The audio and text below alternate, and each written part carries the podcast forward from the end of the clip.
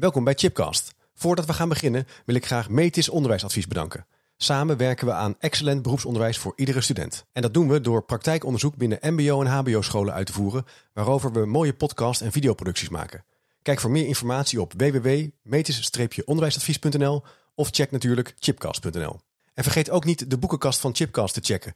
Op www.managementboek.nl slash chipcast vind je alle boeken die in de podcastgesprekken voorbij komen.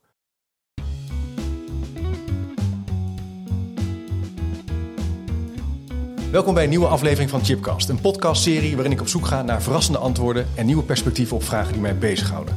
En vandaag ga ik in gesprek met Max van den Berg en Marcel Huigens. Hartelijk welkom in de studio.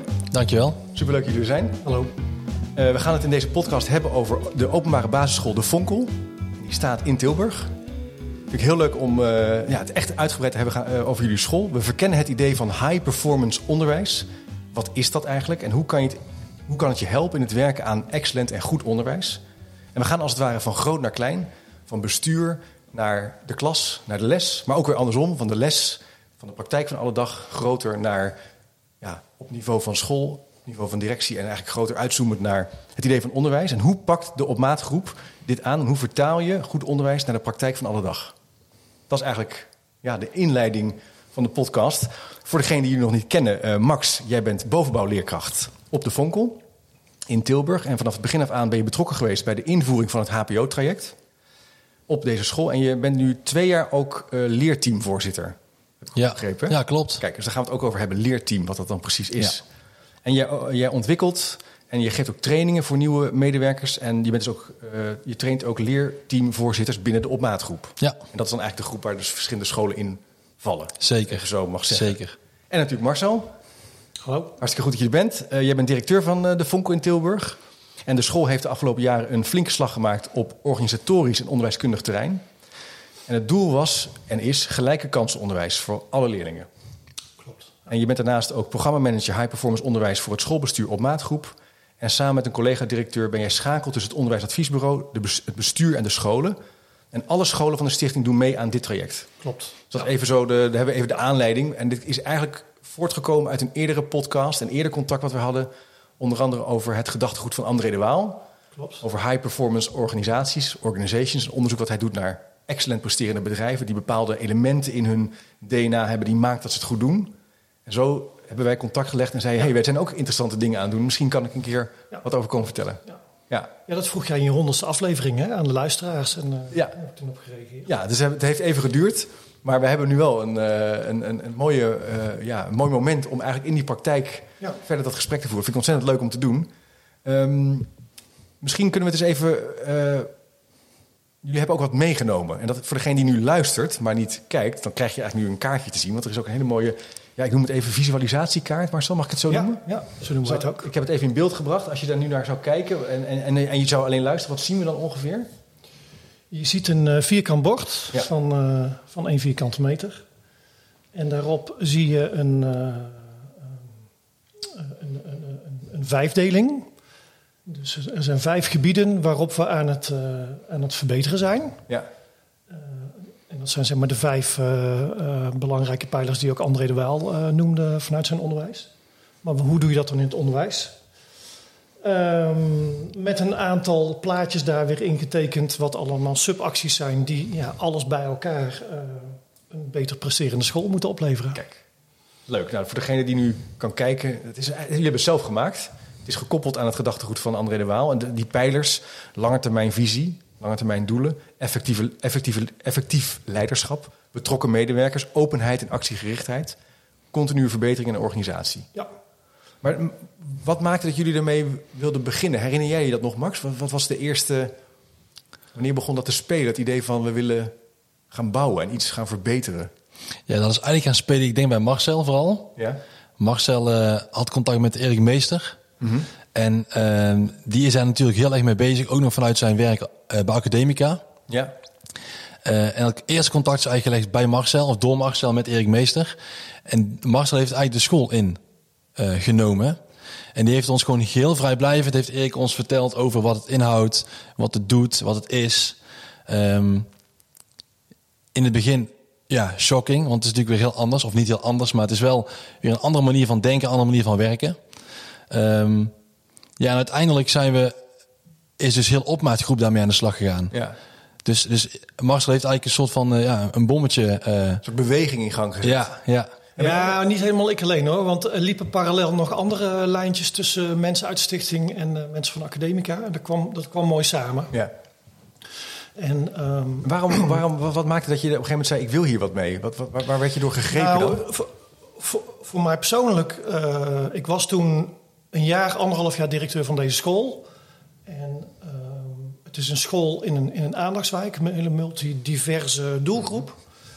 En de periode voordat ik directeur werd, stond het eh, het bestaansrecht van deze school ter discussie. Want we hadden zo weinig kinderen en eh, ja, moest deze school wel blijven. Nou, op een gegeven moment heeft het bestuur gezegd: nee, deze school gaat blijven, want die doelgroep die zij bedienen, ja, die verdient het. Ook al is het maar een klein schooltje, maar als het een goede school is, dan heeft het een functie in de wijk. En zeg maar, de opdracht waar ik op gesolliciteerd heb is: van ga van deze school een school maken met een curriculum wat past bij deze kinderen. Dus ik was zelf heel erg aan het nadenken van hoe, eh, ja, hoe ziet eh, onderwijs eruit wat kansengelijkheid eh, bevordert. Ja. En, ehm, en ik had binnen een studie Master Leadership and Education die ik volgde al wat gehoord over professionele leergemeenschappen. Waarvan ik dacht, hey, dat is interessant. Hè, dat je, dat je, ja, het moet in de klasse gebeuren. Dus als je de leerkrachten niet mee hebt, gaat er niks gebeuren. Maar hoe organiseer je dat? En dat, dat, daar was ik zoekende in. Ik kwam eh, Erik op een workshop tegen tijdens mijn studie en dacht: eh, ja, dit verhaal, dat vind ik interessant. Dat heb ik de stichting ingebracht. En in de stichting was het geval dat we meerdere scholen hadden waar de resultaten al jarenlang tegenvielen. En dat er ook een momentum was dat, dat het directeurencollectief, maar ook de, het bestuur en de stafmedewerkers zeiden: ehm, wordt het niet eens tijd om die lat eens een stuk hoger te leggen en te zeggen van hoezo eh, een beetje, we willen af van de zes min mentaliteit. We willen niet eh, de inspectie ondergrens als norm gebruiken. Het is de ondergrens, dan moet je gewoon boven zitten. ja. Maar hoe dan? Nou, en zo zijn eh, die balletjes gaan rollen. Dat is natuurlijk altijd de complexe vraag van als school en als groep van scholen kan je het wel beter. Iedereen kan zeggen, ja, ik wil het beter doen. Maar hoe pak je het nou aan? En blijkbaar vond je dus iets in, die, in dat gedachtegoed, misschien ook wel handvatten in zekere zin? Of wat was dat dan? Nou, dat je mij dacht, trof in het verhaal, Ja. wat ik in, wat het allereerste verhaal wat ik van Erik hoorde, dat trof me in dat hij ook het had over het kansengelijkheidsframe. ja, En ook aangaf van eh, kinderen die met een achterstand aan de basisschool beginnen, hebben wat in te halen. Ja. Dus jij zal je onderwijs zo efficiënt mogelijk moeten doen. Dan ga je geen experimenten doen, dan ga je evidence-based werken. Eh, je hebt eh, toch een wat grotere focus dan andere scholen op de cognitie. Want als een kind geen Nederlands kan, hè, de taal niet spreekt, ja, krijg je dan wel de kansen die je verdient. Mhm. Ehm, dus dat trof me. En toen we eenmaal via Academica een beetje een beeld kregen van wat houdt dat in, ehm, waar eigenlijk 90% van de directeuren was meteen enthousiast van, maar dan doen we het ook met z'n allen. ja, ja. En we zijn nu drie jaar verder. En uiteindelijk moet ik ook zeggen dat ook echt een kracht van het traject is geworden dat we dit samen doen. Ja. En dat we dus in die zin ook, eh, de scholen leren ook heel erg veel van elkaar. De scholen werken veel, veel meer samen met elkaar. Onder andere door de leerteamvoorzitters. Weten scholen elkaar veel beter te vinden. En eh, uiteindelijk wil je natuurlijk een, eh, je school tot een professionele leergemeenschap omtoveren. Waarin er continu verbeterd wordt en de professional zich professionaliseert. ja. Maar het is eigenlijk nog mooier als je dat als stichting samen neerzet. Ja, dat zie je natuurlijk vaak bij, bij, bij stichtingen en bij groepen scholen al wel als een uitdaging. Dat de ene, ja, ik chargeer een beetje, maar dat de ene school heeft een succesvolle aanpak en de ander is nog heel ergens anders. Er wordt eigenlijk weinig uitgewisseld. Ze zijn soms met hun eigen problemen bezig en er wordt niet Ja. gereflecteerd eroverheen als het ware. Max, is dat dan, die leerteams, helpt dat dan om dan bij elkaar te komen? Is dat iets wat, waarvan je zegt dat heeft wel verschil gemaakt? Ja, zeker. Kijk, de leerteamvoorzitters hebben een eigen platform. En ehm, dat platform dat kun je dus gebruiken als leerteamvoorzitter om andere leerteamvoorzitters te benaderen of zij tips hebben. Kijk, het, het idee erachter is dat als jij iets doet wat heel goed is, we pakken een, eh, even een leesonderwijs bijvoorbeeld, hè, en een andere school loopt tegen, een, hetzelfde probleem aan, dan kun je dus met elkaar gaan sparren om te kijken van, hé, hey, wat hebben jullie al gedaan? Hebben jullie goede eh, literatuur gevonden? Hoe pak je het aan? Et cetera, et cetera. En dat is denk ik wel de kracht ook van het met de hele stichting samen doen, is je kunt elkaar makkelijk vinden Ja. en je spreekt dezelfde taal. Ja. Eh, hoe, je zegt al iets interessants over je gebruikt ook literatuur. Je gaat eigenlijk kijken van hé, hey, uh, wat maakt nou eigenlijk dat we scoren zoals we scoren? Wat gebruik je eigenlijk qua, qua, qua aanbod hè, in zekere zin? Um, het kan natuurlijk ook zo zijn dat er bepaalde methodes worden gebruikt die misschien niet wetenschappelijk gestoeld zijn, of die misschien te ideologisch zijn, maar waar mm mensen wel in geloven. Je wil verbeteren zou ook betekenen dat je een soort basis moet creëren van waar staan we eigenlijk voor. Dat kan misschien ook wat tot spanning leiden, of, of, of hoe was dat bij jullie? Nou, dat, ja, in het begin heeft dat, was het wel even zoeken. Ja. Maar uiteindelijk uh, zitten er in het traject een aantal elementen die, die, hè, die mooi in elkaar uh, samenkomen. Ja. Dus, het, dus, hè, dus uh, we, hebben, we hebben gezegd, we hebben eigenlijk te weinig kennis over wat, wat leren is. Dus daar hebben we ons op laten scholen. Oké. Okay. Um, aan de andere kant hebben we ook gezegd, ja, kijk naar je data. Ja. Je hebt data over de output, over hoe het onderwijs uitpakt. En bijvoorbeeld bij ons op school uh, bleek dat we begrijpend lezen een, uh, een, een, vak. Ja, discussie of het een vak is, ja, maar, het vak ja. begrijpend lezen scoort slecht. Nou, dat is op heel veel scholen met veel kinderen met NT2-problematiek uh, het geval. Ja, dan kun je dus samen gaan kijken hoe kunnen we ons begrijpend leesonderwijs verbeteren. En dan, en dan ga je niet op Facebook kijken wat is er in de mode op dit moment. Of aan de uitgeverijen vragen, hebben jullie nog wat nieuws? Nee, dan ga je literatuur zoeken en bedenken wat is goed begrijpelijk leesonderwijs. En op basis daarvan uh, gaan we samen een traject uh, inzetten. Je gaat echt met elkaar kijken van hey, hoe komt het eigenlijk? Wat zouden mogelijke verklaringen zijn, onderbouwde verklaringen kunnen zijn waarom we het zo doen zoals we doen? Ja. Dat is eigenlijk een, ja. rondom het begrijpelijk lezen. Ja. Zou je, kan je een voorbeeld geven van iets wat, je, wat misschien bij lezen of bij rekenen dan naar voren kwam? Want je zegt, ja, dat was wel eigenlijk heel opmerkelijk. Waarvan ja, hadden, kunnen we eigenlijk wel anders doen of beter doen? Ja. Realiseerden we ons helemaal niet? Nee, ik denk dat een stukje kennis inderdaad heel belangrijk is. Kijk, begrijpen lezen is natuurlijk, of het nou een vak is ja of nee, maakt niet zoveel uit. Maar je hebt daar heel veel kennis um, bij nodig. Ja. Dus als jij heel veel weet van een bepaald onderwerp, zul jij een tekst ook makkelijker begrijpen en kun je ook makkelijker de tekst uh, reproduceren. En wij merkten bijvoorbeeld met onze huidige, sorry, toenmalige me uh, methode, dat die vooral gericht was op actualiteit. Ja. Dus een leuk onderwerp wat op dit moment in de wereld speelt. Wat ook heel zinvol kan zijn, maar daardoor mis je het stukje kennis heel erg. Ja, precies. En, dus het is een beetje typisch het idee van, ja, niet om nieuwsbegrip weer flauw te maken, maar een soort nieuw, hè, deze week is er iets gebeurd.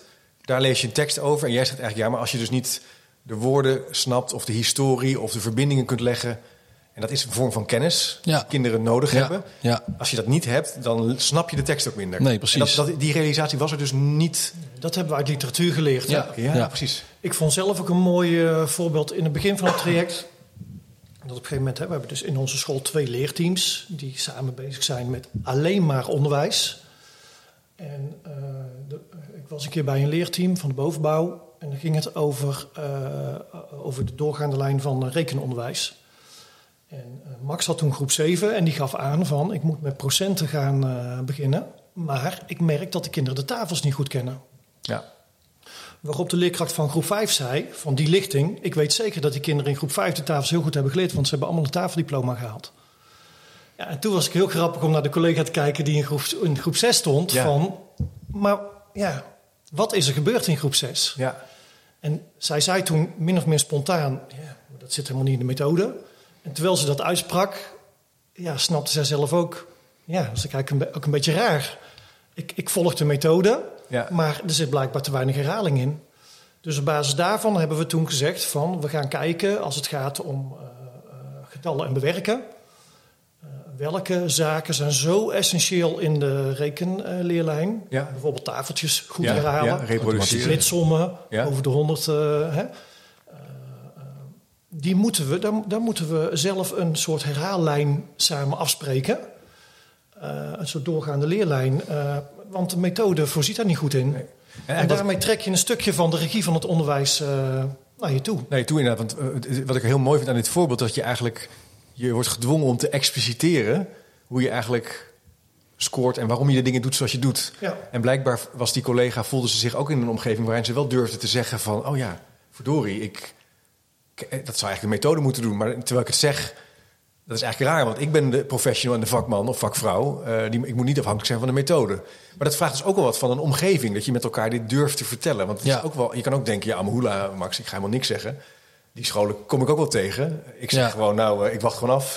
er, eh, Nee, dus op een gegeven moment kwam ook de realisatie dat je dus als leerkracht zijn, dan moet je goed weten waar de kinderen vandaan komen. Ja. Dus je moet natuurlijk je eigen leerlijn goed kennen. Je moet goed weten waar komen de kinderen vandaan Ja. en waar moet ik ze dus weer afleveren. Ja. En, en dat stukje is denk ik bij ons echt wel ehm, heel belangrijk geworden. Ja. Ik weet nu heel goed waar ze vandaan komen, wat ze, wat ze voor- qua voorkennis eigenlijk zouden moeten hebben. Ehm, ik ga ze bepaalde dingen leren, omdat ik weet wat ze moeten leren in mijn groep. En ik weet waar ik ze op af moet leveren. En, dus dat is heel duidelijk, dat er een door, doorgaande lijn is. Dat je weet waar, je- waar je bijna in proces, proces eh, stroomdiagram weet waar je zit hè, in de Ja. proces, zeg maar. Maar wat maakt nou dat bij jullie, dat je dit gesprek kon voeren met elkaar? Dat er blijkbaar ook een vorm van veiligheid was. En het is ook wel Ja. bijzonder dat dat blijkbaar gelukt is. Kan ook spannend zijn. Klopt, ja, dat, dat, dat was dus een van die vragen waar ik tijdens mijn eh masterstudie mee bezig was. Van hoe, hoe, hoe organiseer je dit nou? en ja. eigenlijk, is het, eigenlijk is het verrassend eenvoudig. Alleen je moet het wel goed doen samen. Hè. Dus we hebben eh, eh, een, een, een, een, schabloon van hoe een, hoe een leerteam functioneert. Die hebben we op alle scholen uitgerold. Hè. En dus ieder leerteam heeft een voorzitter. Die krijgt nog wat extra training. Eh, is wel een karttrekker, maar niet de baas. Want je bent, hè, je bent samen als Ja. leerteam. Ehm, we hebben een standaardagenda, daar kun jij daar misschien beter wat meer over vertellen. We hebben een standaardagenda en de, en de leerteamvoorzitter bewaakt ook. Het gaat over de standaardagenda of niet. Maar we gaan het niet, hè, over de kleur van Zwarte Piet gaan we het niet hebben. Dus er is een bepaalde wetmatigheid, een structuur. Ook dat schabloon, dat is voor iedereen hetzelfde. Ja. De manier van werken Ja. is voor iedereen Ja. hetzelfde. Heel makkelijk gezegd, wij gaan het dus niet hebben over Sinterklaasvieringen, hoe gaan we carnaval organiseren. We hebben het echt puur alleen maar over onderwijs. En dat doen we aan de hand van een format. Ja. En daar komen dus punten van terug. En als het iets is binnen de vergadering, een onderwerp is wat niet bij die punten aan kan sluiten, dan gaan we het er niet over hebben in het leerteam. Dan doen we dat daarna wel, dat is prima. Bij Het, de- mag, het is niet dat je er geen carnaval doet. Nee, precies. En want dat is even, want an- ik weet zeker dat mensen nu gaan zeggen, ja, maar dan heb je wel een saaie school, hè? Maar nee. In, in, die, in, dat, in, in dat gremium werken we heel concreet aan verbeterinitiatieven, afstemming, uitwisseling op de inhoud. Puur op onderwijs. Op Ja, onderwijs. puur op onderwijs. Onderwijs. En dan is het of het gaat over een kind. Hè, dat kan Ja, zijn dat je zegt, tuurlijk. ik loop met een kind vast, help Ja, me ja. alsjeblieft. Ja, Of het gaat over lessen. Hè? Ik ga eh, lessen van procenten doen. Ik, ik wil iets gaan voorbereiden. Denk eens met me mee. Of kom eens een keer kijken. Geef me feedback. we bereiden ook samen lessen dus ook voor. Samen lessen Van, voorbereiden. goh, ik vind het, ik vind het een lastige les binnen mijn, binnen mijn leerlijn. Kom mij eens helpen om samen met mij die les voor te bereiden. Ja. Of je doet onderzoek. Of we doen onderzoek. Of je bent met onderzoek. Ja. Nou, en, dat, en dat is waar het leerteam over gaat. En het grappige was toen we dat eenmaal zo hadden afgesproken. En je zegt dus, het leerteam komt twee keer per week bij elkaar. Twee keer per week na schooltijd een uur. En het mag alleen over kinderen, lessen en onderzoek gaan. En ik vond dat je dan een beetje een, het- gevoel wat ik ken, wat je zo af en toe eh, ook op een school hebt, als je een, stu- een goede studiedag hebt gehad, dat je denkt, yes, Ja. Ja. nu gaat het weer over de kern van ons vak. Dit is waar we voor gekozen hadden. Ja, ja. Alleen dan is het gevaar, eh, drie dagen later eh, is iedereen weer in de gewone modus. Ja. En wij zeggen nu, het gaat twee keer per week een uur lang alleen over Ja, daar onderwijs. zit natuurlijk een enorm en ritme we structureren, Ja. we structureren dat, er zit een ritme in. De twee leerteamvoorzitters stemmen de agendas een beetje kort af, die kunnen elkaar helpen. Ja. En dat, geeft, en dat geeft een soort structuur en ook veiligheid. En ik moet er wel bij zeggen, eh, ik, ik trof vijf jaar geleden al gewoon een, een heel ontspannen team aan wat veel vertrouwen in elkaar heeft. Dat is niet overal, maar dat was een cadeautje wat ik erbij kreeg. Dus het, het, eh, het kwetsbaar opstellen of feedback geven aan eh, eh, vragen aan elkaar was in principe niet zo'n issue. Het was alleen geen cultuur. Daar, daar moeten we nog wel aan werken. Ja, dus die professionele schoolcultuur zou je kunnen zeggen, waarin je heel gericht aan die onderwijsinitiatieven werkt, dat was misschien een beetje weggezakt. Hoe je het ook wil noemen, daar heb je echt dat in ieder geval, laat ik het andersom zeggen, daar heb je in ieder geval heel duidelijk neergezet. Twee keer per week een uur, gewoon met Ja. de inhoud aan het Ja, en als aanvulling daarop, het is natuurlijk niet zo dat wij twee keer per week altijd een uur lang per keer vergaderen. Bij elkaar om een tafel heen zitten. Maar het zijn ook gewoon werkmomenten. Wij zijn bezig met een, met een lessencyclus eh, maken bijvoorbeeld. Ja, dan is de ene dag is het eh, bij elkaar komen en het er met elkaar over hebben. En de, en de dag daarna is het echt uitvoeren. Of in ieder geval het maken van de lessencyclus. Mag ik vragen, Max, hoe lang, sta je, hoe lang sta je nu voor de klas? Dit is mijn zevende jaar voor de klas. Ja, ja, zeven jaar. Dus je, hebt inmiddels best wel wat ervaring eh, opgedaan. Maar je zou ook je, ja, kunnen zeggen dat je nog een jonge professional bent. Ja, Met alle zeker. waardering hè, bedoel ik dat. Ja, ja. Hoe, als je terugkijkt op je studieperiode, was dit ook een onderdeel van de, wat je hebt geleerd, deze manier van werken? Nee. Nee, nee. Ehm, er werd vooral geleerd hoe je les moest geven. En eh, het pedagogische stuk werd natuurlijk aangeleerd. Hoe ga je om met kinderen, hoe ga je om met ouders. Maar dit stukje, het werken in een leerteam, het puur hebben alleen maar over onderwijs. Dat wordt niet aangeleerd, nee. Of dat werd niet aangeleerd, nee. Dus dat heb je Nee. ook eigen moeten maken in zekere Ja. zin. Ja. je komt op een gegeven moment na je afstuderen kom op, kom op, op, op de Fonkel werken. Toen nog de Gesworenhoek. Ehm en daar waren er, ik noem het even ouderwetse teamvergaderingen. Waarbij de normjaartaak besproken werd. En waarbij we gingen kijken hoe gaan we dus wel Sinterklaasvieringen organiseren. En, en dat duurde maar en dat duurde maar. Maar uiteindelijk wordt mijn onderwijs daar natuurlijk niet beter van. Dus mijn lessen worden er niet beter van om het met elkaar te hebben over de Sinterklaasviering. Nee, ja, zullen misschien pedagogen zeggen, ja, dat is ontzettend belangrijk. Dat je, Is het ook. eh, ja, maar jij zegt het is niet, niet, niet doen, maar het gaat niet over onderwijsverbetering. Nee, en wij doen het zeker wel. Al die vieringen doen wij ook gewoon netjes. Alleen wij hebben daar een kwaliteitskaart voor. Zo, pak, zo vieren wij Ja. de viering. Daar zit dus een stukje enigma Ja. van, eh, Ja, wat je in het begin even Eva en. Martin inderdaad in. Ja. van Eva en Martin in. Dat is gewoon, sommige dingen kun je gewoon relatief eh, kun je een keer goed afspreken. En dan hoef je er niet ieder jaar heel uitgebreid over te hebben. Ja, het is een En procedure. ook, hè, en Ja. Sinterklaas is dan wel een heel makkelijk voorbeeld. hè, Ja, maar ook, daar hoef je het niet ieder jaar met het hele team over te hebben. Eh, dat, dat regel ik wel met een paar collega's die dat Ja. eh, als werkgroep doen. Ja. Maar daar gaan we geen leerteamtijd aan. Want het is natuurlijk ook twee keer per week leerteam. Ja, dan moet je andere dingen niet doen. Nee, want het, moet- het dus moet uit de lengte of de breedte komen. Precies, dus kiezen. Dus, dus ook kiezen. Hè? En dat is ook weer een stukje waar, eh, waar Eva en Martin veel over hebben geschreven. Interessant dat jullie zo die combinatie, Focus. ja, die focus, die combinatie van die enigma-aanpak, maar ook de. HPO-gedachtegoed. Laten we eens wat verder inzoomen. Ja, past heel goed bij elkaar. Ik heb nog één aanvulling op het stukje van net. Ehm, doordat we zo in de leerteams werken, eh, komen we zeg maar, bij een soort, soort kernmantra wat we vaak eh, noemen binnen de stichting. En dat is dat we zeggen, wij zetten de leerkracht centraal. En dat bedoelen we beleidsmatig. Hè, van, wij zetten de leerkracht centraal. Want als, als wij goede leerkrachten voor de klas hebben, dan komt het met de kinderen ook wel goed. Hè. Dus dat even als... eh, Ja, mooi. als statement. En, ehm, en wat dus ook gebeurt, is dat bijvoorbeeld, eh, om even een paar dingen uit het gesprek samen te pakken. Leerteam Bovenbouw ziet, wij zien inderdaad dat begrijpend lezen niet goed genoeg loopt. Zij spreken samen af, we gaan literatuuronderzoek doen, want we willen beter weten wat goed begrijpend leesonderwijs is, zodat we kunnen bekijken wat we kunnen verbeteren. Op een gegeven moment komen zij met een lijstje met verbetervoorstellen. Die komen naar mij. Dan zou ik natuurlijk wel een hele eigenwijze directeur zijn als ik zou zeggen: nee, daar gaan we niks mee doen. Nee. Dus dat speelde eens in een voorjaar. Ik heb gezegd: oké, dat komt op het jaarplan. Ik ga daar studiedagen voor inplannen. Ik ga daar budget voor regelen. Maar eh, ook de bal weer teruggelegd. Ik verwacht dan ook van jullie dat alle klassen een x aantal keren per week ehm, met een verbeterd begrijpend leesles komt. Want ik ga daar, ik ga daar even boeken voor aanschaffen. Of eh, hebben we daar een deal? Ja, zij leerteam bovenbouw, hier hebben we een deal. Of bo- onderbouw ook meegenomen. Waardoor uiteindelijk die onderwijsverbetering is niet Nee. van de directeur Nee, uitgekomen. helemaal niet meer, nee. Ik faciliteer het en probeer eh, op kwaliteitsbeleid eh, of kwaliteitsniveau het team te prikkelen om Ja. eh, kwalitatief iets goeds neer te zetten. En daarna zeg ik lopen. En dan kijken we over een paar jaar of over een jaar hoe het met de data gaat. En kijken we of we weer een stap verder komen. Wat ik ook heel mooi vind, is wat je hier eigenlijk ook noemt... dat contracteren tussen de leidinggevende en een professional. Je bent eigenlijk met elkaar in gesprek en je, zegt, nou, je stretcht ook een beetje. Nou, superleuk, ga ermee aan de gang. Maar ik wil wel een aantal dingen dan graag zien. Ja. Dan kunnen we dat ook afspreken met elkaar. Ja. Ik vind dat ook iets wat we... Wat, het lijkt wel of het in het onderwijskundig leiderschap niet meer zo dan is... om eh, dit soort afspraken met elkaar te maken. Het wordt al snel als te sturend gezien of te eenzijdig. Terwijl volgens mij ligt een groot deel van het plezier ook... met elkaar eh, inhoudelijk debatteren, dialoog opzoeken en zeggen: oké, dan gaan we dat doen. Onderbouwd, gericht op verbetering. Ja. Ja, Ja, ja dus, dus eh, een leerteam kan wel met een voorstel naar mij toe komen, maar als daar geen literatuuronderbouwing bij zit, of als ze de leesspecialist niet hebben geraadpleegd, die we in het team hebben, ja ga je wel even. als ze niet even bij andere leerteams van andere scholen hebben gevraagd, hebben jullie ook nog tips voor ons?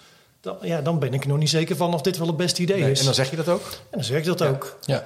En, eh, en daarmee eh, ja, wordt het een ander spelletje wat we zeg maar, in het team spelen. Ja, ja. Maar als we dan eenmaal commitment hebben van dit gaan we doen, Ja. dan weet ik als directeur ook, dit gaat echt gebeuren. ja. Eh, Nou, heel leuk. Ik wil even nog teruggaan voor als degene die luistert, haal ik nu even het plaatje naar voren. Ja. Eh, naar die vijf pijlers, om even wat van die pijlers eruit te halen. En om te kijken hoe je daar dan ja, praktisch betekenis aan geeft. Laten we maar gewoon bij de eerste beginnen, die lange termijnvisie. Ehm, hoe, hoe, ja, hoe, hoe, hoe is dat onderdeel van jullie werk geworden? En, en hoe heb je dat als het ware geëxpliciteerd? Kun je daar iets over zeggen?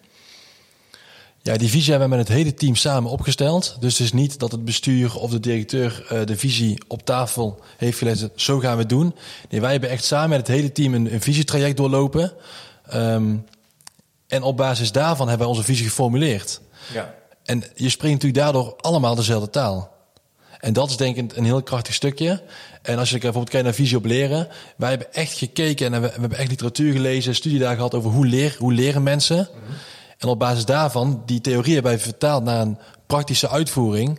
En gezegd, zo geven wij onderwijs op OBS en Fonkel. Natuurlijk wel op basis van literatuur. Ja. Maar dus, dus eh, de, de, de inzichten op het gebied van hoe kinderen of volwassenen leren... is voor jullie onderdeel, is eigenlijk jullie opvatting geworden over hoe jullie onderwijs willen geven. Klopt. En dat hebben we dus gezamenlijk opgeschreven en ook een beetje geprobeerd uh, normatief te, te formuleren. Hè, waardoor je ook op een gegeven moment kan zeggen: ja, dit vinden we dus wel goed onderwijs. Ja. En dit vinden we niet goed genoeg. Dus mooi normatief Ja. formuleren. Ja. En uh, waardoor ook iemand die nieuw bij ons komt werken kan lezen. Zo doen we dat hier. Ja. En het kan niet zijn dat een nieuwe collega zegt: Oh ja, maar dat, dat, dat, dat wil ik niet. Nee. Ik doe het anders altijd. Nee. De vonkel, dus hè, dat is ook een van de pijlers van uh, de Waal. De neuzen dezelfde kant op. Hè, waardoor je ja, een, een doorgaande lijn kan creëren. Ja. Ook in manier van werken. Hoe kan, ik kan me voorstellen dat er collega's bij jullie nieuw, nieuw komen of op bezoek komen die zeggen: Nou, ik noem maar even wat, ik wil wat doen met uh, gepersonaliseerd onderwijs. Of ik denk dat we ontdekkend kunnen leren. Hè, de rommeltijd in het begin van de. voordat de instructie er is of zo. Ik noem maar even wat. Ja, wat ga je dan doen? Nou, dan, dan denk ik in ieder geval eerst dat wij laten zien dat dit onze visie is. Dus um, bij een eventuele sollicitatie of iets dergelijks, wordt natuurlijk al wel verteld hoe wij op de Fonkel les gaan geven. Ja. Dus ik denk dat iemand die dat zou willen, Ja. niet zo heel snel bij ons zal solliciteren, gok ik. Nee. Jullie gaan dat gesprek Nee, zo en aan meteen de andere kant, dit, uh, het is ook weer niet in beton gegoten. Nee. Dus als een nieuwe collega met hele goede ideeën komt, Dan pak je Laat het ook het, op. laat het zien. Ja. breng maar in in het leerteam, Ja, of breng maar in een studiedag, Ja. kunnen we het erover hebben. Mochten we het een uh, geniaal idee vinden en we staan er met z'n allen achter, kunnen we de visie een klein beetje bijstellen. Ja. Maar ik, Maar hè, gaan er wel vanuit, dit Nee, is het dat uitgangspunt en hier kies je voor. Ik denk dat het juist heel sterk is dat je kiest ergens voor. Zegt, dit is een uitgangspunt. Daar verbind je ook volgens Ja. mij eerder aan dan dat, het, dan dat het alles is. Of dat Ja. het heel generiek is. ja, wat we ook wel um, graag willen, is dat in plaats van roepen ik denk of ik voel, nee, ik weet. Dus laat, laat de literatuur zien waaruit blijkt dat dit een goed idee is. Of waaruit blijkt dat het echt een verbetering is. Ja. Dat is ook wel een omslagpunt, want het is natuurlijk vaak in onderwijsland ook vaak zo, ja, ik denk of ik voel dat. Ja. Ja, wij, wij zijn eigenlijk meer de andere kant op. Laat zien. Mijn kind, dit en Ja, dat. ja, precies. Maar, toch, maar daar ga ik nog even over doorzagen. Want wat ik nog wel interessant vind, er is natuurlijk zoveel geschreven over leren. Er zijn ook mensen die zeggen, ja, dat, dat, en die kunnen dat denken ook te kunnen onderbouwen, dat dat ontdekkend leren ook heel belangrijk is. En dat er ook aanwijzingen voor zijn dat je vooral kinderen. Uh, ik, ik, wil het even, ik zet het even tegenover instructie, niet om het heel plat te maken, maar toch helpt het wel even. Ja, minder instructies. Ze moeten ook ruimte hebben en ontdekken. En dan, dan le leesrijpheid. Hè. Ja. Uh, en dan, ja, als je dan op het juiste moment die tekst aanbiedt, dan gaat het vanzelf. Ja, maar vaak is dit niet goed onderbouwd. Tenminste, Nee, ik heb het dan zelf Nee. nog niet ontdekt Nee. uh, waar die onderbouwingen zijn. Hè, dus we, we, ja, zeg maar, een uitgangspunt binnen de stichting, en ook zeker voor een school als die van ons, is wij willen gewoon wij willen de dingen doen die echt bewezen zijn. Ja. Want wij, hebben niet, uh, wij voelen niet de ruimte met onze Nee. doelgroep om te gaan experimenteren. Nee, nee, nee, precies. Dus ik, zeg niet dat experimenteren slecht is of dat, uh, dat onderwijs nooit gaat veranderen. En maar jullie challenge dus wel op die onderbouwing. Jullie gaan echt Ja. ook wel het gesprek Ja. aan van, nou, Ja. laat het dan maar zien. Ja, Ja, oh ja, dus oké. En, en uh, heel interessant. En, en dan doelen, dus visie en doelen. Kunnen jullie daar nog iets over zeggen? Een visie is ook een soort, ja, on, zoals ik het heb al geleerd ooit in de studie, onbereikbaar perspectief, een soort droom. Uh, waar je natuurlijk wel, dat wil je in de praktijk halen, maar dat is, en dan ga je dan vervolgens ook Ja, hier zit, hier zit een mooie koppeling Ja. tussen, want dit is natuurlijk een beetje vanuit de, vanuit de leerpsychologie gedacht. Hoe gaat leren Mhm. en hoe zetten we dat dan concreet neer? Ja, Um, en als het dan gaat over onze doelen, dan pakken we eigenlijk die Enigma kwaliteitsaanpak van, uh, van Eva en Martin erbij. En, Ja. dan, en dan zeggen we, van, nou, we, willen op een aantal vlakken ambitie stellen. Hè? We hebben afgesproken met de stichting, alle scholen hebben een ambitiekaart op taal, op rekenen, op burgerschap, op professionalisering en op kwaliteitsbeleid. Het is eigenlijk onbestaanbaar dat als jij jezelf een school noemt, dat deze vijf hoofdstukken ontbreken. niet, ja, dat die Niet ontbreken in, jou, in, jou, in jouw schoolplan. Ja, zo maar te. Dat kan niet. eh, Max, ja. Wij hebben zelf nog als klein schooltje gezegd... wij moeten rondom PR, uh, is voor onze school belangrijk om Ja. wel uh, focus op te hebben. Zichtbaar zijn, ja. Wij zijn aan het samenwerken met het kinderdagverblijf. Dus die doorgaande lijn van 0 tot 13 jaar is voor ons een belangrijke. Ja. En wij hebben nog uh, het samenwerken met het sociaal domein in de wijk... is voor onze school ook belangrijk. Dus wij hebben acht ambitiekaarten. Op die acht ambities hebben we ambitieuze doelen proberen te formuleren... Dus het is voor mij als directeur ook daardoor heel makkelijk om per jaar uh, te kijken waar staan we op de acht lijnen, wat zijn de doelen voor komend jaar, wat verwacht ik van de leerteams, wat doen de coördinatoren, wat doet de interne begeleider, wat doet de directeur. Ja, je krijgt een hele duidelijke cascade eigenlijk vanuit daarom, die visie. En hoef ik niet ieder jaar opnieuw te blikken. En ik merk zelf ook dat we dit nu drie jaar consequent doen. Ik heb eigenlijk nu al de ambities die ik drie jaar geleden heb gesteld. Ik had ze voor vier jaar gesteld. Maar nu na drie jaar hebben we eigenlijk bijna alle ambities al gehaald. Terwijl ik drie jaar geleden dacht dat ik uh, veel te hoog in de boom was geklommen. Ja, het ook gegrepen. Ja? En dat heeft dan heel erg te maken met uh, je energie goed focussen. En uh, daar besteden we wel aandacht aan. Want dat heeft iets met ambities te maken. En dan komen ze af en toe hele leuke initiatieven op de mail of via de wethouder of weet ik van welke kant belangrijke dingen langskomen. Dan zeggen we ja, super belangrijk, maar ja, bij ons even niet. Dus, dus en dat helpt om te kiezen. Ja, ik kan me dat voorstellen. Je, je formuleert eigenlijk criteria met elkaar om te bepalen wat wel en wat niet. Ja. Anders word je een soort zwaankleef aan, dan wordt alles leuk. Dan wordt alles leuk en, alles, is interessant. Leuk. Alles interessant. Alles is Overal wil je over leren. Ja. Maar we hebben gewoon die focus. En op die focus, op basis daarvan, ja, gaan we aan de slag. Ook in het leerteam er komen best wel eens onderwerpen naar voren die inderdaad leuk, interessant zijn. Mhm. Maar dan is het toch inderdaad de taak van het lid om te zeggen: hey, in hoeverre past dit bij de ambitie die we hebben gesteld? Ja. ja, zo niet. En het is toch heel belangrijk. Dan moeten we er een ambitie van maken. Dat is prima. Maar voor nu staat er nog niet op. Dus nu gaan we eerst verder met de ambitie die we wel gesteld hebben. Want dat is onze focus. Ik ben dan wel benieuwd naar het leiderschap daaromtrent. Want het, ik kan me ook voorstellen dat dat, klinkt heel duidelijk. Maar ik kan me toch voor als ik iets heel leuk vind. Ik heb een idee, uh, bewegend leren. We gaan uh, buiten hinkelen en de tafels leren. En ik ben daar helemaal van overtuigd. Dan kom ik bij jou in het leerteam en dan uh, ja, en, en het lukt niet. Of ik krijg het er niet doorheen. Dat kan ook tot spanning leiden misschien. Of hoe, hoe, hoe, zorg je ervoor dat je met elkaar in gesprek kan blijven? Uh, of zeg je van nou, het is eigenlijk wel duidelijk als je die criteria goed vaststelt, en vaststelt, je hebt die visie helder, dan gebeurt dat misschien helemaal niet meer. Dat gebeurt bij ons echt nee. niet. Nee, interessant. Nee, nee die focus bij ons, we hebben allemaal wel dezelfde focus. Ja. En allemaal wel hetzelfde idee voor ogen van oké, hier gaan we met elkaar naartoe. Ja. Ja. Nou ja, het, stel iemand pikt iets van bewegend leren op. Ja. Uh, en die komt daarmee in het leerteam. Dan is natuurlijk gewoon de eerste vraag van ja, kom eens. Hè, ja. Uh, Precies, nee, ik merk het ook. Waar is dat artikel? Want dan wil ik het lezen. Dan ga je kijken welke bronnen. Oh, de, oh, die meneer die haalt zichzelf drie keer aan als bron. En verder zijn er geen bronnen. Oh. Uh, heb je nog meer bronnen? Of, was het, of is het eigenlijk de mening van deze meneer of mevrouw? Nou, en Hè? Nou, bij sommige onderwerpen zal dan blijken van nou, het, het is meer een mening dan een uh, wetenschappelijk onderbouwd iets. Dus daar zullen we dan maar niet voor kiezen. Maar stel dat er wel hele goede bronnen zijn, ja, dan mag het team van mij ook twijfelen van zullen we dat dan eens inbouwen. Maar, Wat ik heel mooi vind, ja. dat daarmee ook een best wel uh, een hoogwaardig gesprek plaatsvindt over uh, ja, eigenlijk wat is kennis, hè? bijna filosofisch. Hè? Hoe, hoe, kunnen we aannemen dat iets waar is, in ieder geval in dit domein. Um, dat is ook wel een hoge norm voor een, voor een dialoog. Je moet ook wel veel kunnen weten en veel kennen uh, als je dat gesprek met elkaar voert.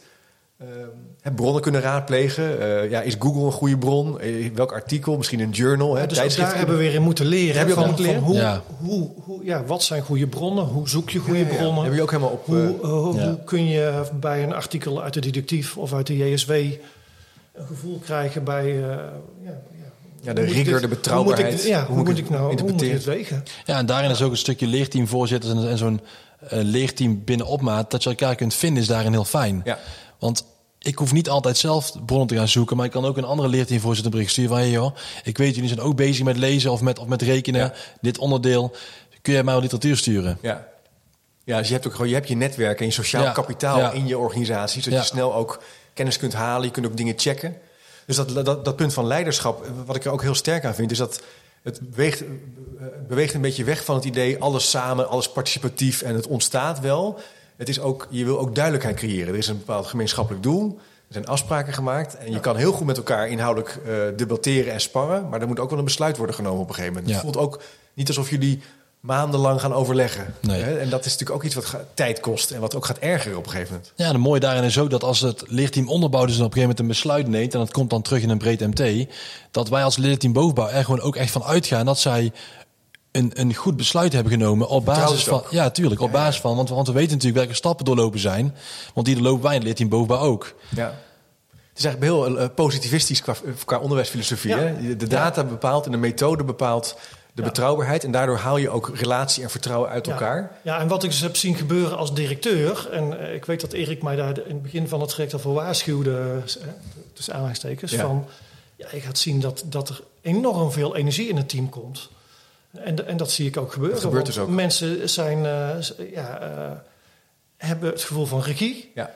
Eh, S'avonds om negen uur komt er een appje binnen, hoef je niks mee te doen. Maar ik, heb, ik heb een mooi artikeltje gevonden, eh, moeten we eens bespreken in het leerteam. Nou, dat, Het is heel interessant dat je dat Ja. zegt, maar dat herken ik ook bij andere Ja. scholen waar ze. oh, Het is overigens, dit is geen gesponsorde podcast, zeg ik toch maar even. Ja. Want ik heb helemaal niks met academica in die zin. Maar ik vind het gewoon interessant om met jullie te praten over die onderwijsverbetering. Maar ik herken dat helemaal.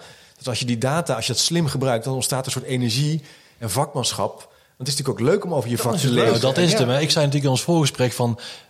heel- Ik heb mijn vak weer terug. Ja. Maar het is natuurlijk wel zo. Ja, is zo, ja. Wij hebben de regie en, en, en wij mogen weer gewoon eh, doen waar we voor opgeleid zijn. Namelijk hele goed lessen geven, het praten over onderwijs. Ja, ja. En dan is het natuurlijk heel leuk als je ziet dat de, dat de leeropbrengsten groeien. Dat je denkt, Ja. hé, hey, het werkt. Ja. Dat hebben wij gedaan door ons traject. Hè? Dus, dus die, die Ja. pijler van betrokken medewerkers, eh, voor zover je verschil maakt tussen leiderschap of professional en manager, maar even medewerkers, Ja. dat zit dus ook in het gevoel van voortgang.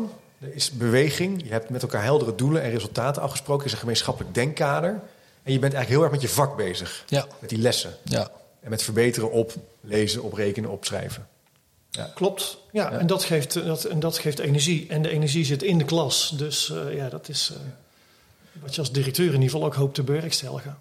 Hoe, hoe is dit gekoppeld aan, waar ik, ben, waar ik nog nieuwsgierig naar ben... ehm, er is ook een leraartekort eh, in Nederland. Daar hebben we het de hele tijd over. Sommige mensen berekenen dat. Dat is best wel eh, een soort sluipende, sluipend probleem geweest in de afgelopen 10, 20 jaar. Het wordt steeds zichtbaarder.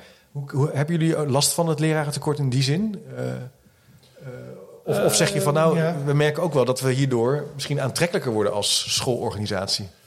Ehm, nou, ja, wij zien in Tilburg het lerarentekort ook de stad binnen sluipen. Hè, dat, de, afgelopen paar jaar eh, was het meer een randstadverhaal voor ons gevoel. Maar eigenlijk vorig jaar rond de zomer voelde al hoe.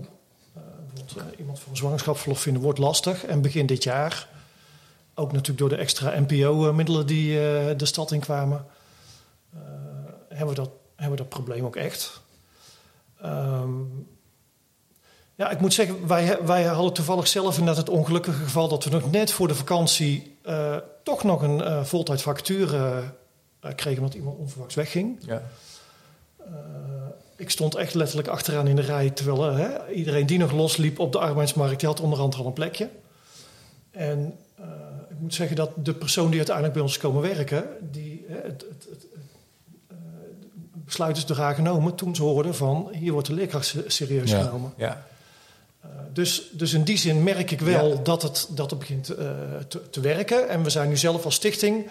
We zijn de afgelopen drie jaar hebben we niet heel, lang- heel hard op ons borst lopen kloppen van kijk eens waar we mee bezig zijn. Nee.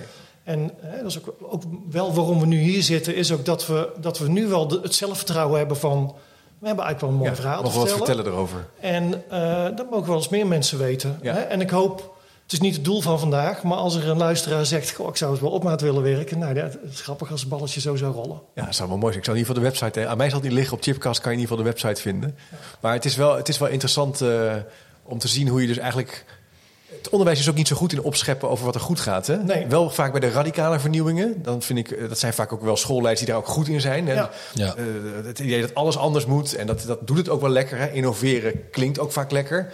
Verkoopt ook in zekere zin wel goed als ik Ja. sch- meer vanuit de schaduwkant benader. Maar dit is toch... Ja, ik moet denken aan René Knijper. Die zei, ja, de- deze methode van werken is in zekere zin...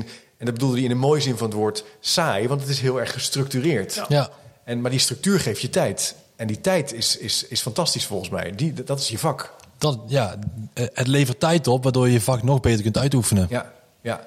Ja, en het hoeft niet eh, morgen klaar te zijn. Dit is Nee. gewoon een continue, hè, continue verbetering. Hè, want dit is een proces. ja.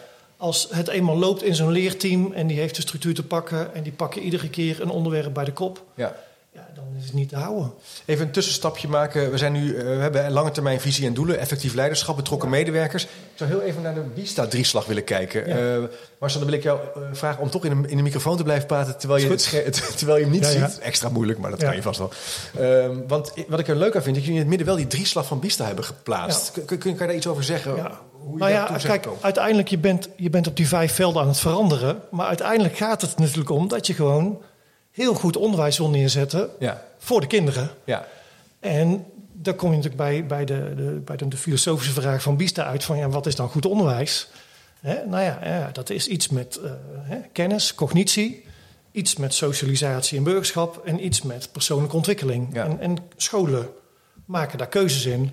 En daarin zie je ook wel bij ons in de stichting. Kijk, mijn school staat in een aandachtswijk. Heeft een, hè, we hebben een schoolweek van 36. Dat is, dat is hoog voor een Vinex-wijk, voor een school in een Vinex-wijk. Ehm, dus wij hebben als team gezegd, wij steken iets meer op cognitie in, omdat die, die Nederlandse taal is zo verrekte belangrijk. En tuurlijk ook inburgeren, normen en waarden eh, z- zit ook in ons curriculum. Maar eh, dus, dus zo hebben wij met alle scholen zitten stoeien van wat zijn de accenten hè, die, die je neerzet. En ehm, uiteindelijk kwam daar toch ongeveer hetzelfde antwoord uit bij alle scholen. Omdat we uiteindelijk ook met z'n allen hebben gezegd... als jij op een, op een, op een hoog niveau leerlingen wil laten uitstromen... dan eh, kan het niet zo zijn dat kinderen niet goed genoeg kunnen lezen. Nee. Dus uiteindelijk hebben we ook wel een soort weer even terug naar de kern eh, gedachte met z'n allen gehad. Van, van hoe kan het nou dat Nederland op die PISA-lijstjes eh, zo, zo daalt? Ja. Niet omdat de kinderen dommer zijn geworden de afgelopen Nee, tien jaar. niks in het water. Nee, jongens, Nee. het leesonderwijs. Nou, Anne Bosman heeft daar bij jou over verteld. Het leesonderwijs is niet goed genoeg. Ja. Eh, als bij ons het leesonderwijs niet goed genoeg is, dan halen kinderen een F niet. Referentieniveau, hè? Mhm, ja. basisniveau. Op andere scholen wordt één F makkelijk gehaald, omdat die in een eh, welvarende wijk staan. Maar dat heeft nog steeds niet te zeggen dat, le- dat leesonderwijs goed genoeg is. Die kinderen die moeten gewoon voor 90% 2 F halen. Dus zo hebben we ook gewoon samen de lat gewoon hoog gelegd. Super. En, eh, ehm, en, en daar is ook wel weer een kanteling in aan het komen nu in het traject. We hebben de afgelopen jaren veel aandacht gehad voor taal, rekenen en op een goede manier instructie doen. Ja. Ehm, en er is nu wel een kanteling dat we zeggen, ja, maar curriculum is natuurlijk meer dan alleen leestaal rekenen. En daar hebben we met andere stichtingen die ook het HPO-traject volgen, samen het Nederlands kenniscurriculum voor ontwikkeld. En dat is eh, twee weken geleden of zo eh, voor het eerst openbaar geworden. Maar dat is bijna een, een podcast apart Ja, van dit ja. gesprek. Oh, dat gaan we doen. Ja. Ehm, hè, waarin we eh, ook weer dus een groep leraren van onze stichting en andere stichtingen samen hebben gebracht. En die hebben samen een curriculum gemaakt, vooral even op het gebied wereldoriëntatie, burgerschap, creatief. En dan vooral ook even om nog te refereren naar Erik Meester met zijn boek over curriculum, curriculumontwikkeling. eh, een curriculum op het wat. ja. Wat leren kinderen op de basisschool? Dat is echt een kenniscurriculum. Kennis. Want het hoe hebben we al heel veel aandacht gehad binnen de stichting. Maar het wat.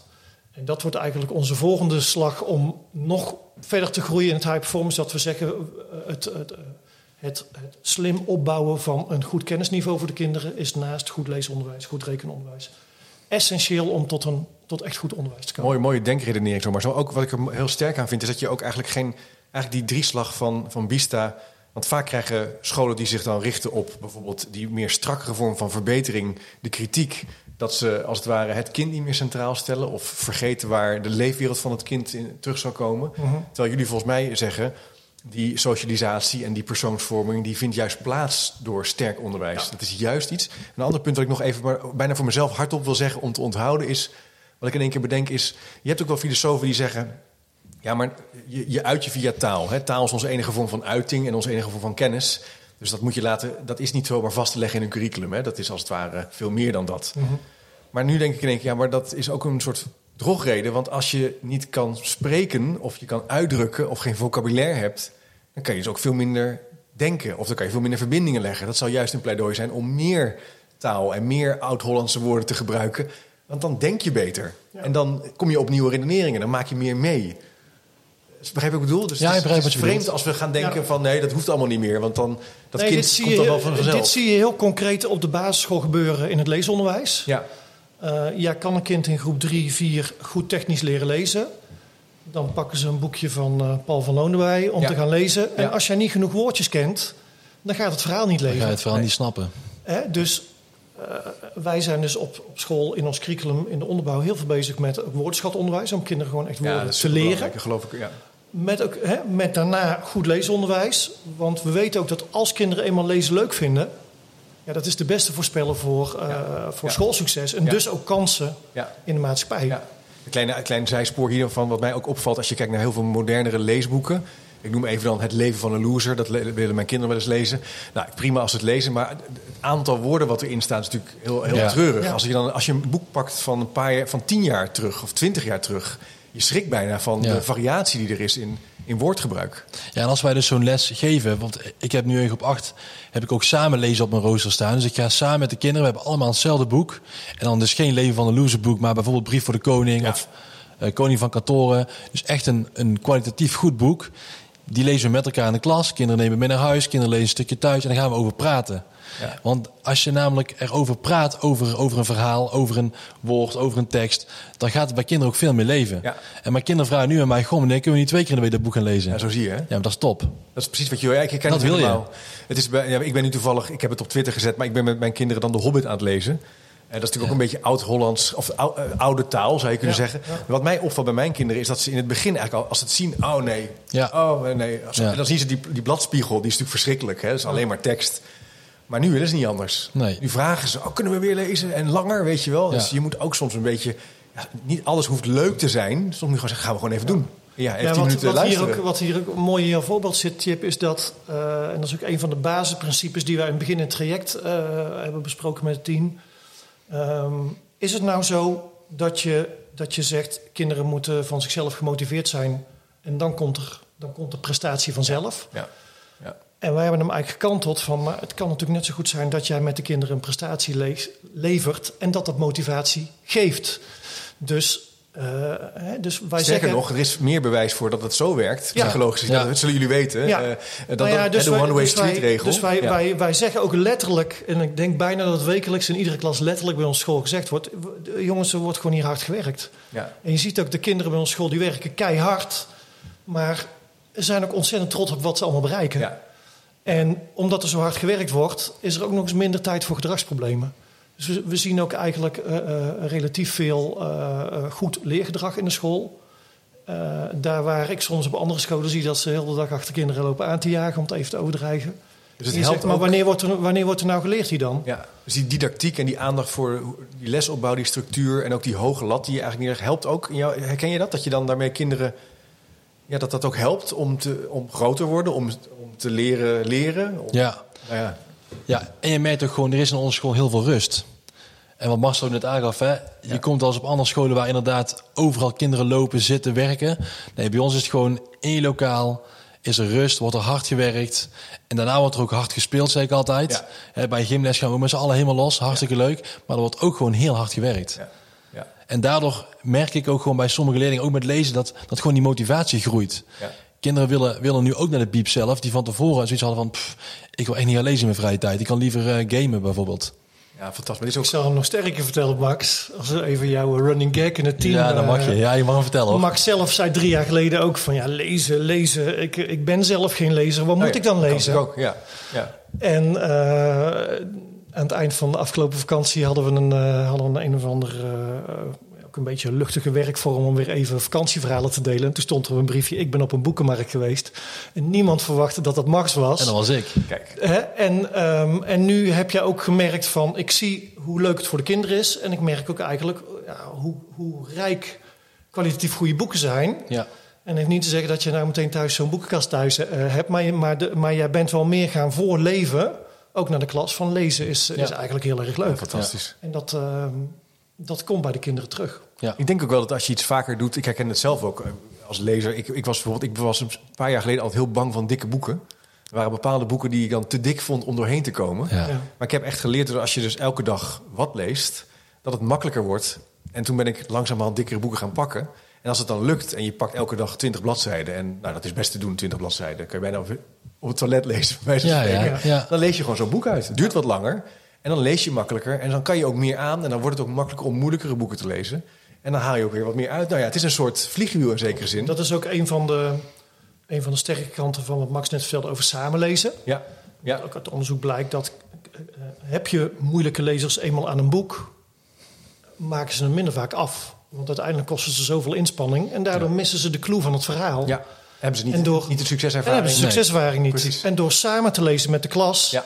wordt het boek ook uitgelezen. En merken kinderen ook ineens van, wow, ik heb een heel boek gelezen. Maar ook, dat je, ja, dat je in het laatste hoofdstuk de, de clue eh, Ja, samen clue, hebt beleefd. En dat is hartstikke leuk. Maar dat is Ja, en je pakt terug. Precies, Je pakt ja. dus ook elke eh, keer dat we weer gaan lezen, pakken we even terug van... hé, hey, waar ging het de vorige keer ook over? Hoe voelde de hoofdpersoon zich? Waar ging het over? Wat, wat, wat gebeurde er toen? Ja. Waardoor het ook blijft leven bij die kinderen. Maar dat is ook dat is heel mooi. Maar nu gaan we even helemaal los op lezen. Maar dat is natuurlijk wel fantastisch. Want dat doet ook wat met creativiteit en verbeelding. Hè? Ja. Daardoor ga je ook... Je ziet de personages voor je. Je gaat je meer dingen kunnen voorstellen. Dat zit niet in een film.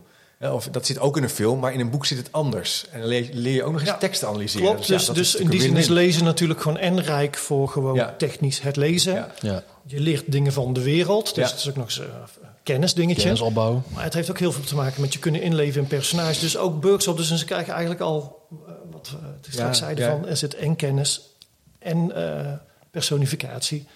En Ja, socialisatie precies, zit, eigenlijk, zit er allemaal in. Het zit er in allemaal het in. hart van jullie, van jullie Ja. school, die, die drieslag. En Ja. l- Laten we nog eens even kijken naar dat vierde punt, openheid en actiegerichtheid.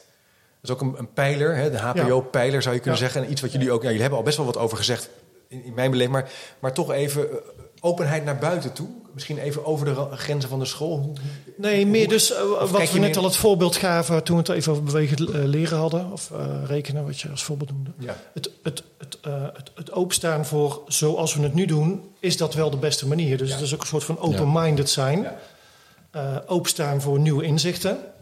Eh, en daar dan ook wel doelgericht hè, op doorpakken. En Ja. ook het openstaan voor data. Van, Kijken naar resultaten. Hè? Ja. daar, Ja. daar inderdaad niet als stel een groep scoort op een tussentoets van het leervolgsysteem slecht op rekenen. Niet meteen denken, oh ben ik, een- ben ik een slechte juf. Nee, dat is wel... Nee, Nee. Ook open in het leerteam samen bespreken. eh, eh, kijk eens even terug. Welke opgaves gingen er wel goed, welke niet? Hoe zat de methode er in de afgelopen tijd? Hoe heb je dat dan aangepakt? Dus je kwetsbaar durven samen- opstellen Ja. is wel... Ja, en gewoon mijn resultaten van mijn groep bespreek ik in mijn leerteam. Ja. Omdat ik wil eh, dat ze zien hoe mijn groep scoort. Maar dan, omdat ik vooral wil weten van... Hé, hey, wat kan ik hier nou aan gaan doen? Ja. Help mij nou eens mee met mijn collega's samen... om ervoor te zorgen dat mijn resultaten bij de volgende toets... m- moment, meemoment, weer beter worden. Ja. Dus echt samen verantwoordelijkheid gaan dragen... voor de resultaten van een bepaalde groep of van de school. Ja, mooi. En er staat ook ouders, hè, betrokken ouders. Eh, ik kan me ook voorstellen, ja, vandaag dat lees je, hè, ouders zijn mondig, ouders hebben allerlei ideeën over wat er anders moet. En het is vaak de schuld van de leraar. Ik chargeer even lekker. Hè. En niet mijn kind. Hoe ga je om met, met ouders in en rondom de school? Hebben jullie daar, wat voor afspraken hebben jullie daar Ik dan denk dat over? wij hetzelfde voorbeeld willen gaan noemen. Wij hebben bijvoorbeeld bij ons eh, hebben wij een eh, hoe help ik mijn kind op school, waarbij de de leerkracht van groep 3 of onze co-teacher zeg maar die nodigt de ouders uit één keer per week drie kwartier tot een uur en die die laat eigenlijk zien hoe dat wij de kinderen bepaalde dingen aanleren zodat voor de ouders ook duidelijk wordt van hey, hoe pakken wij dingen op school aan en wat kun je daar thuis mee doen. En ouders zien dus ook waar hun kind mee bezig is. Wat leuk.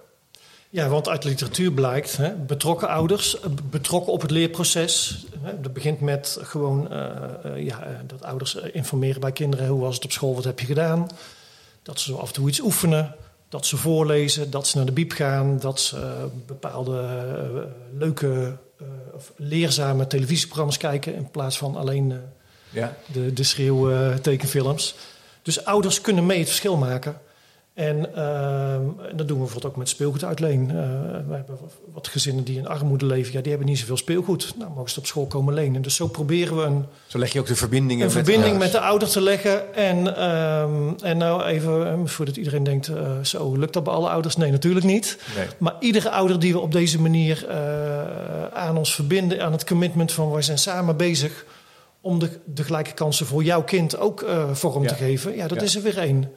En, eh, en eh, als kinderen zien dat hun ouders eh, het stimuleren, ja, dat geeft ook weer extra motivatie. Zeker, dan ga je natuurlijk ook, ja, je zet- legt ook iets neer. Hè. Je zet iets neer wat ook aanstekelijk werkt. En je leert ook snappen hoe leren werkt. Ja. Ik moet denken, ja, ons, mijn kinderen staan op een Montessori school. Ik vond het heel inzichtelijk om gewoon te zien hoe dat werkt. Ik was in het begin daar, dacht ik, ja, hoe moet dat nou en wat gaan ze dan doen? Maar het feit alleen dat je het mee kan maken en dat je kan zien wat er gebeurt, zorgt ook dat je je meer betrokken voelt bij de school. En dat je beter snapt hoe in dit geval een planning wordt gemaakt. Ja.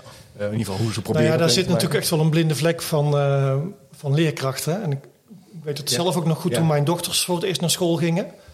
Dat ik me toen pas realiseerde. Eigenlijk helemaal niks van wat mijn kind meemaakt eh, in de klas. Ja. Dat weet ik gewoon niet. Nee.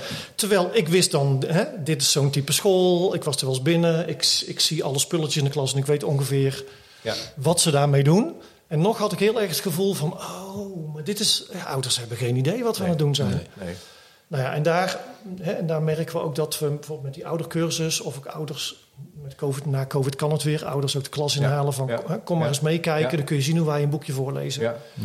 En, dat, en dat hebben veel van onze ouders ook echt nodig... om even het vertrouwen te krijgen van... oh, dat kan ik dus ook. ja, tuurlijk. Ja, Mooi. Emanciperend in zekere zin, zou je Ja. kunnen zeggen. Ja. Belangrijk voor het netwerk. Dan komen we bij het laatste punt. En dan komen we ook wel, denk ik, aan bij het eind van de podcast. Eh continue verbetering en de organisatie. Dus laatste pijler. Ik heb het idee dat dat eigenlijk doordezemd is in jullie aanpak. Hè? Dus dat continu verbeteren is volgens mij het, bijna het... Ja, niet het hart, want ik wil niet zeggen dat andere dingen niet het hart zijn... maar dat is eigenlijk constant onderdeel van hoe jullie kijken. Net even wat beter doen, data gebruiken, Ja. gesprek voeren... initiatieven ontwikkelen die gericht zijn op... wat ga je dan doen, aanpakken, uitwisselen, kalibreren... Zo zie ik het eigenlijk voor me. Ja, ja. Ja. wij willen inderdaad, wij- wij, willen dus constant verbeteren. Ja. Eh, op, op meerdere onderdelen, op meerdere aspecten. Eh, soms is het lezen, dan op een gegeven moment loopt dat, maar dan betekent niet dat het meteen goed is. Nee. Het is in ieder geval niet, niet altijd perfect en hoeft ook niet, maar je wilt altijd een beetje beter doen. Ja. Dat is denk ik de kern van wat we op onze school aan het doen zijn. Klopt. Het elke dag beter Ja, willen worden ja. in Als wat de zijn. iedere dag een beetje beter worden... dan, eh, dan zijn dat heel veel beetjes in acht jaar eh, Dan onderwijstijd. kan je enorme meters maken. Ja, ja. Ja. Mooi, ik, ik- toevallig luister ik gisteren naar eh, Phelps, dat is die Olympische eh, zwemmer. Ja. Over eh, hoe hij nou dan, hij heeft voor mij acht of twaalf Olympische gouden plakken gewonnen. Hè, zoiets verschrikkelijks veel. Drie Olympische Spelen eh, goud dan. En hij zei, eh, en toen werd hem ook gevraagd van, hoe ben je nou eigenlijk zo goed geworden? En hij zei, je moet je elke dag focussen op een heel minimaal verschil. Dus het enige wat hij deed, hij ging al zwemmen. En dan zei hij, ik ga proberen mijn hand net, net iets verder, net een milliseconde eerder bij die muur of iets te eerder draaien. En hij zei, als je elke dag één, twee van die minimale verschillen doet, nou, je doet het in een week, en je doet het een maand, je traint elke dag. Hij zei, dan ben je na een jaar heel wat sneller. Ja. Dat vond ik eigenlijk wel een mooie analogie. Klopt. Nou ja, zo, ja, Ja. de- en dat geldt natuurlijk voor de kinderen eh, op school ook. Dat geldt voor En- kinderen en ook, ook ja. voor je onderwijs. Ja. Ja. Leuk hoor. Nou, ik, eh, ontzettend interessant om met jullie de- dit gesprek zo te voeren en een inkijkje te krijgen in jullie, in jullie mooie school, de Vonkel in Tilburg. Ik zou zeggen, eh, ga er zeker eens een keer kijken. Nou, ik wil niet zeggen met z'n allen, maar goed, ik zal de website even ook linken op, op chipcast.nl en we gaan ook even wat linkjes plaatsen. Voor degene die nu kijkt, dan heb je af en toe al even die, die plaat even kunnen zien. Maar ik zal hem ook even op de website plaatsen. Misschien nog wat achtergrondmateriaal, wat bronnen die we hebben besproken. Zal ik ook plaatsen. Dus eh, onder andere het werk van Erik Meester hebben we het over gehad, Anna Bosman. Maar ook het idee van die motivatie- en prestatiespanning. Ik denk dat we dan kunnen refereren naar het werk van, eh, van Paul Kiersner, onder andere, die daar wat over heeft geschreven. Ja. Dus dat zijn wat linkjes die je op Chipcast kun, kan vinden. Ik wil nog even zeggen, als je nou denkt, ik wil meer weten, ik ben hongerig naar meer kennis, ga dan even naar chipcast.nl slash doe mee. En dan krijg je om de week de nieuwsbrief opgestuurd, gratis en voor niks. Ehm, Max en Marcel, ontzettend bedankt voor je tijd. Fijn dat jullie hierheen wilden komen, terwijl de regen op het dak kletterde net even. Maar onhoorbaar voor de luisteraar. En ik zou zeggen, tot de volgende keer maar weer. Dankjewel. Dankjewel.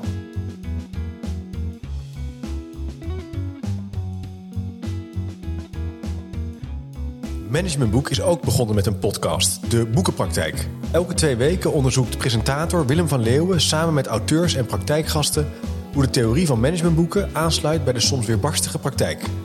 Beluister de Boekenpraktijk via je favoriete podcast-app of ga naar www.managementboek.nl/podcast.